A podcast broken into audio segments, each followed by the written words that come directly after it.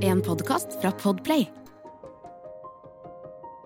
Så var det om å se på hunden der, om du- så noen, så da andre var ikke så veldig høye i hatten. Det Du visste jo aldri hva du kunne forvente å se. Det kom en, en gårdbruker der som med en sånn skjølvende så høy stemme spurte om det er noen som har sett familien min. Så skjer det ufattelige. Huset forsvinner framom øynene på Marit. Lørdag ettermiddag den 29. april 1978 har fått ei dramatisk vending for innbyggerne i Rissa i Trøndelag. Sør for innsjøen Botn har grunnen begynt å rase ut, og folk på gårder og i hus flykter for livet. Barnebasaren må avlyses, for forsamlingshuset har rasa ut. Det samme har ei rekke andre bygninger. Menneskelig tap skal det også vise seg å bli denne rasdagen.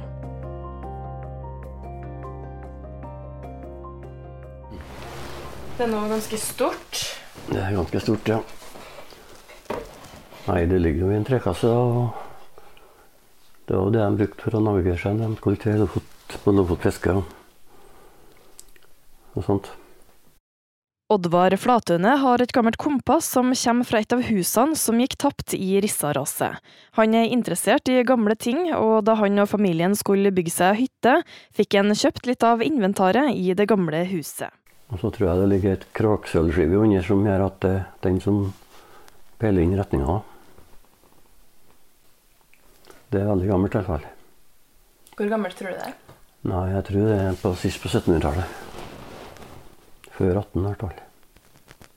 Hytta er et fritidsprosjekt, og som arbeid driver Oddvar et firma der han driver med bl.a. persienner og gardinbrett.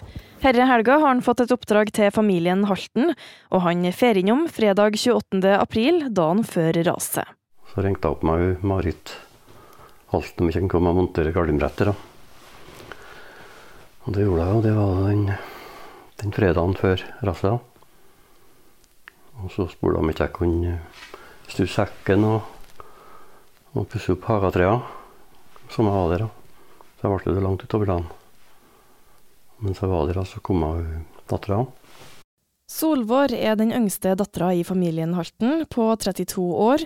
Hun kommer på besøk til foreldrene denne helga, og har med seg mannen og dattera på to år.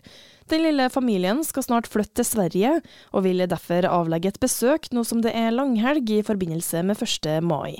Solvår hadde polio da hun var lita, og derfor har hun med seg rullestol når hun kommer. Hun var jo handikappa, så henne inn så må hun komme. da. Og så for jeg hjem da, på fredagsettermiddagen. Men så var det for lite klyper til gardinene. Dem fikk jeg sendt med ferja lørdagsmorgenen. Jeg skal hente noe annet samtidig. Kjører jeg dit og setter opp de klyperne. Oddvar tar en siste tur innom familien Halten med klyper til gardinbrettet lørdagsmorgen, og tar samtidig med seg noen småting fra det gamle huset like ved, bl.a. kompasset.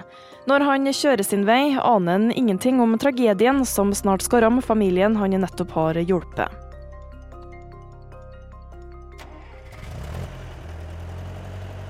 I um, den helga som raset der gikk, så har vi jo besøk av søsteren min og svogeren. Olav Lindgård driver en gård langs innsjøen Botn, men på motsatt side av raset. Han jobber i tillegg som lærer. Og det var jo april, og det var jo vårhåndtid. Så du måtte jo fokusere vårhånda. Og da var det jo om å gjøre å gjøre mye arbeid da, når, når, jeg, når jeg har fri fra skolen. Og det var tid til å ja, gjøre det som skulle gjøres for å få våronna til å gå. Så jeg holder jo akkurat på med På den tid brukte vi klettskuffer for å kjøre ut gjødsel. Eller frau, som vi sa da. Eller sei. Og den eh, kjørte jeg jo med en, eh, en traktor som er jo liten og ikke i bruk i dag, men som var brukt den den, Eller den tid. Og mm, jeg var jo på vei ut fra Fraukjelleren og bort på Gjelem eh, østom her. Og har jo utsyn over bunnen når jeg svingte traktoren etter å ha sluppet ifra meg det jeg har i pletskuffa. Og da fikk jeg jo se en sånn hvit vegg over bunnen ute i enden. Jeg ble liksom litt forundra over hva det var, men så skjønte jeg jo fort at det var jo vann som var slitt opp i lufta. Og at det måtte være noe som blod opp i lufta. Og at det var ikke noe annet enn et eh, ras da, som kunne ha gjort det. Og da eh, slutta jo fraukjøringa, for å si det slik. Olav finner fort ut at han må få sagt ifra om det han har sett. Han vet ikke at de på telefonsentralen allerede har fått flere telefoner, bl.a. fra lensmannen, som er ringt fra en av gårdene som nå har rasa ut. Ringte jo på sentralen og spurte om de var klar over at det har gått ras uti der. Og ja, herregud, så har jeg nettopp snakka med lensmannen. Og han var uti der. Og nå hadde det rasa der han var. Så hun var så forkommen, hun som satt på sentralen. Da skjønte jeg at det var ikke noe hensikt i å alarmere. Det var allerede alarmert. Så var det at eh, faren min, som eh, på den tid var en mann over 80 år, og svogeren, da, som var ja, i 40-åra Vi så og tenkte at det er kanskje greit å hjelpe til med noe uti der.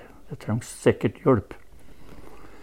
Så vi samla sammen reip og spader og spett og ha bak i bilen, bagasjerommet. Og så kjørte jeg, og far min satt på, og svogeren satt på. Ennå har ikke politiet rukket å sette opp veisperring, derfor er det ingen som stopper Olav Lindgård og medhjelperen hans fra å kjøre inn i rasområdet og parkere bilen. Og så begynte vi å gå framover mot raskanten. Vi så ikke noe folk akkurat mot, eh, ved den kanten der, da. Så vi, vi begynte å bli mer og mer forsiktige.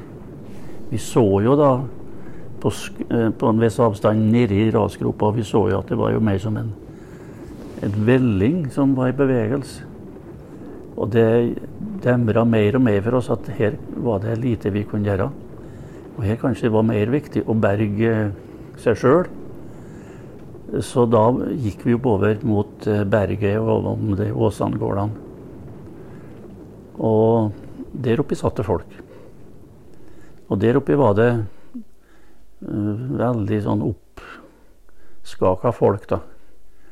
Med uh, ja, et sånt stressa, stressa folk, stressa samtaler.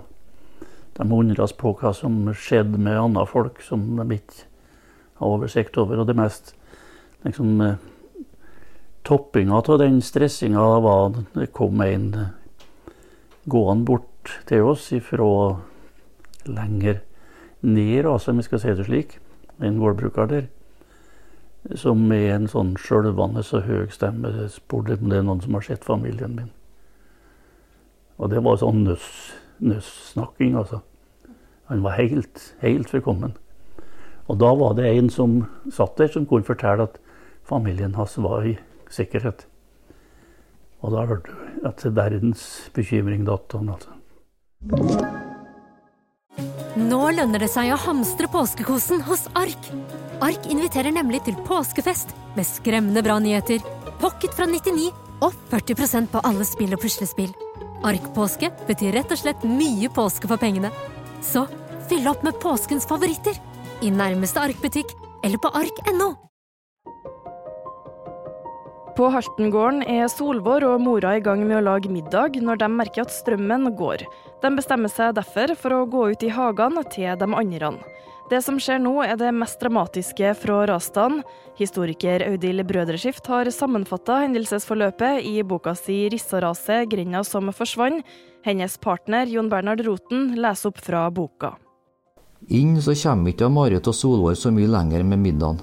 Strømmen er gått, og på Veion får de ikke plass til alle kjelene. Vi kan da vel gå ut til de andre vi òg, foreslår Marit. Det er så fint et vær. Hun går for å hente ei strikketrøy. Solvar rusler som vanlig rundt på sokkelesten når hun er inn, og sier at hun kommer straks. Marit Halten går ned trappa foran huset og over veien bort til Mastua. Hun stusser over at veien er så rar å gå på, som om den beveger seg under føttene på. Bort ved mastuveggen stopper hun opp for å vente på Solvår. Først da legger hun merke til at det er uvanlig mye lyd nede fra veien. Solvår står i døra. Hun går ut på trappa, kjenner litt på været, merker at hun fremdeles går i sokkelesten, og snur seg for å ta på seg skoen. Marit ser dattera vende om og ta et par skritt inn i gangen. Så skjer det ufattelige. Huset forsvinner framom øynene på Marit. Det blir borte i et inferno av lyd. Treverk splintres. Jorda under henne. Det er som å være midt oppi et bombeangrep. Langt bak i bevisstheten oppfatter hun at hun kan se hele bygda framom seg. Ingen tre lenger som sperrer for utsikta. Det er fri sikt helt til klosteret. Trapphella og trappa der Solvor nettopp sto, den står igjen. Det fine urnene på hver side også. Men rett framom henne er det en kant, som om jordskorpa er skåret over med kniv. Og det eneste hun tenker på, er at der ned er dattera hennes. Der er Solvår. Hun rakk ikke å komme seg ut. Marit springer bort til kanten og ser huset ligge der, i stykkerslått, ugjenkjennelig. Øyvind leter etter dattera, hun synes hun kan se henne like nedafor. Midt i fortvilelsen hører hun noen rope. Hun lener seg enda lenger framover. Kanskje det er Solvår? Men ropene kommer fra åskanten, opp ved fjøset. Der ser hun søstera Sigrid og svigersønnen Bertil med Sandra på armen. Hun sprenger mot dem mens hun roper fortvila. De må finne igjen stegga! Solvår ble med uti! Sigrid slår armene om henne og får søstera opp til grinda bak fjøset.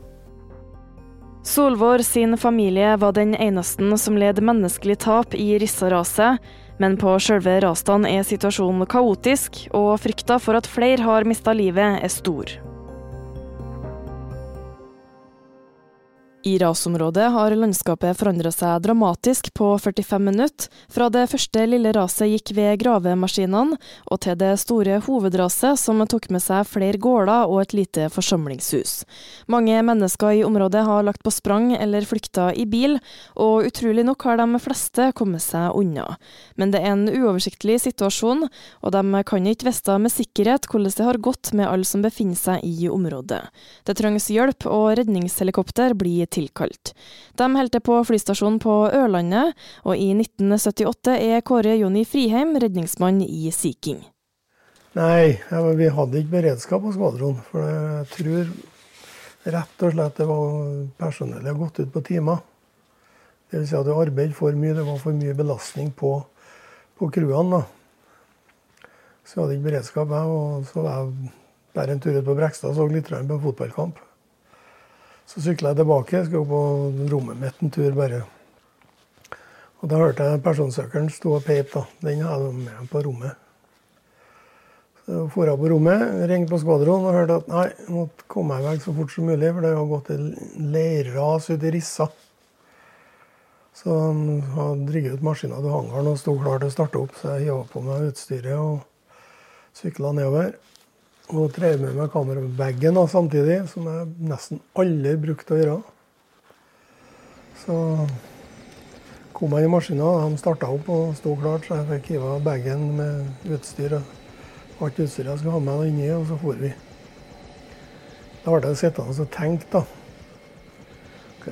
Leirras i Rissa, hvor i all verden? For jeg har gått noen år tidligere så gikk jeg på folkehøyskolen på Fosenheim. Og det måtte jo ha gått et eller annet opp i fjellsidene. Så ikke for meg noe annet. Så det var jo litt av sjokk når jeg kom fram. For det raset har gått, det betegner jeg som nesten flatt. Og det Ja, det var rått skue du fikk se det. altså. For det er helt Nesten ikke å tro. Du må se det for å tro det. Så kom vi dit, da. da Det var litt kaos ennå, da, for ingen visste noe. Vi trodde jo, sånn som det så ut, hørte hvor mange gårder som gått med, så var jeg sikker på at det lå mye folk uti her. da. Og vi har vel, hvis ikke husker feil, har vi litt kontakt med politiet. De visste heller ikke hvor uh, mange som har kommet bort.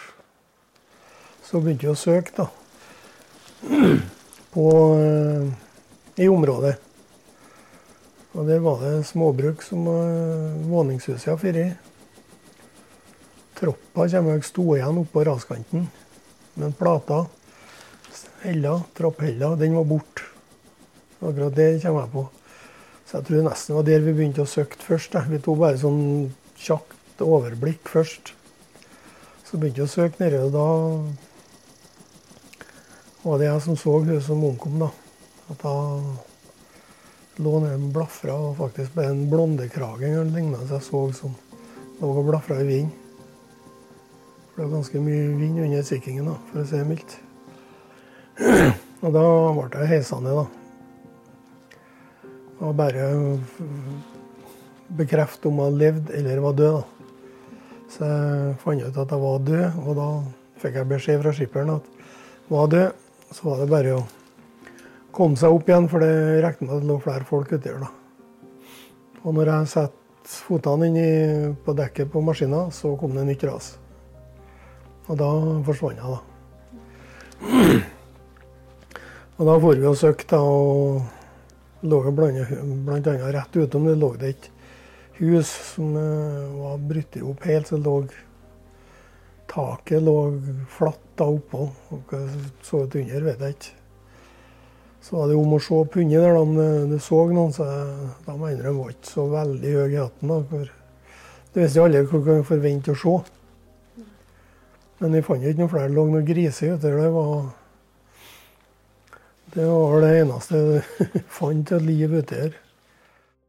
Mens de jobber i rasområdet, får Kåre Jonny erfare hvor merkelig kviklere kan oppføre seg, og noen bilder har satt seg på minnet til han og dem han jobber med. Og jeg husker ikke på hva mens jeg var nede og fant hun som noen kom. så sto det et hus helt ute på raskanten. En liten villa. Gul tror jeg den var, hvis jeg ikke husker feil. Topen vår, Per Kristian, han satt og kikka på det huset. Det var eksplodert under seg. Leirskura sto rett ut. Så det gikk huset 10-15 meter rett ned, og der sto det. Det vi kunne se, så var ikke knuste vinduer heller. Og da rant det som ei grå elv nedom der. Og ikke lang stund etterpå så kunne de nesten gå utpå her. Så leira er en merkelig merkelig vare, altså. Det er flere som har kommet til rasområdet for å hjelpe til. En av dem er Olav Lindgård, som har måttet se seg nødt til å heller redde seg sjøl pga. de sterke kreftene til raset. Mens han sitter oppe i åskanten, ser han flere som har samme tanke, bl.a. noen Røde Kors-arbeidere som kommer kjørende. Og de eh, hoppa jo ut til bilen og for bortover mot raset og sto og kikka ned der. Og så demra det for dem at her var det kanskje ikke noe sted å være. Her var det lite de kunne gjøre. Så sprang de tilbake og inn i bilen og snudde og kjørte sin vei.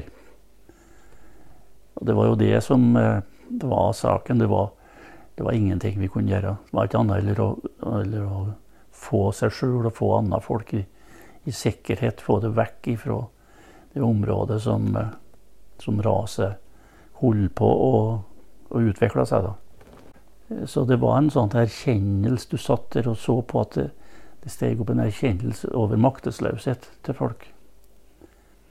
Vi satt jo som sagt en del oppe i berget der. Og det har jo vært tanker og meninger om hva som kunne skje, og hva som har skjedd. Så det, var jo, det hung jo en del spørsmål i lufta mens vi satt der. Hva lurte dere på? Nei, men det var noen som har omkommet. De, det var snakk om at det skulle være noe Jeg, jeg husker ikke akkurat på det, men det, men det var noe, noe samling oppe i skolen der, eller det, det, var snakk om aktivitet den dagen til unger og voksne folk. Sosial aktivitet.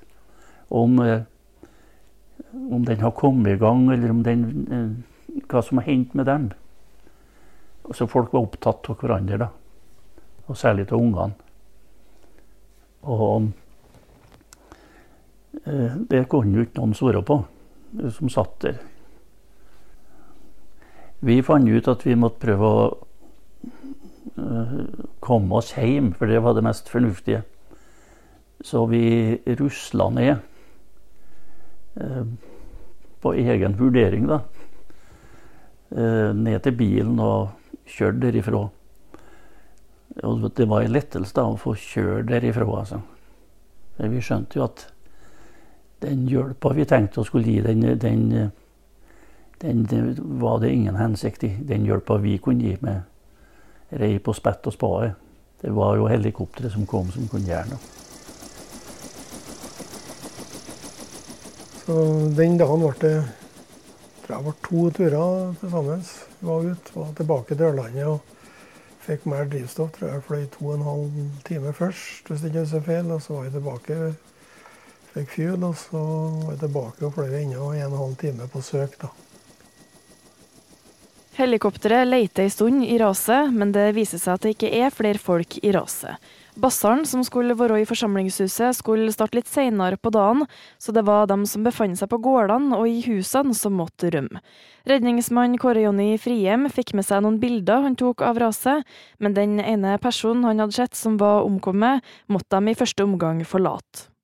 Så, men hun som omkom, da ble vel Forsvaret var der noen dager etterpå og fant henne. da. Vi visste jo sånn cirka hvor hun hvor hun lå hen. Så må jeg si at det var jo det var jo flaks at det ikke gikk med flere, da. Det er nesten et under. Du så de ødeleggelsene som var det ja, Du må rett og slett se det for å tro det. Det er jo mange som ser det i filmen når hele fjøset seiler forbi. Det er helt uvirkelig. Raset er over på 45 minutter. 1,5 km har raset spist seg innover og tatt med seg rundt 15 småbruk og hus. Ei rekke familier har mista alt de eier, både gård og grunn. Flere hus står på raskanten og er ubeboelige. På den andre sida av innsjøen har også flodbølgen gjort ødeleggelser på hus og bygg. Tilbake står ei grend som ikke lenger har en plass å bo. Du har hørt en podkast fra Podplay. En enklere måte å høre podkast på. Last ned appen Podplay, eller se podplay.no.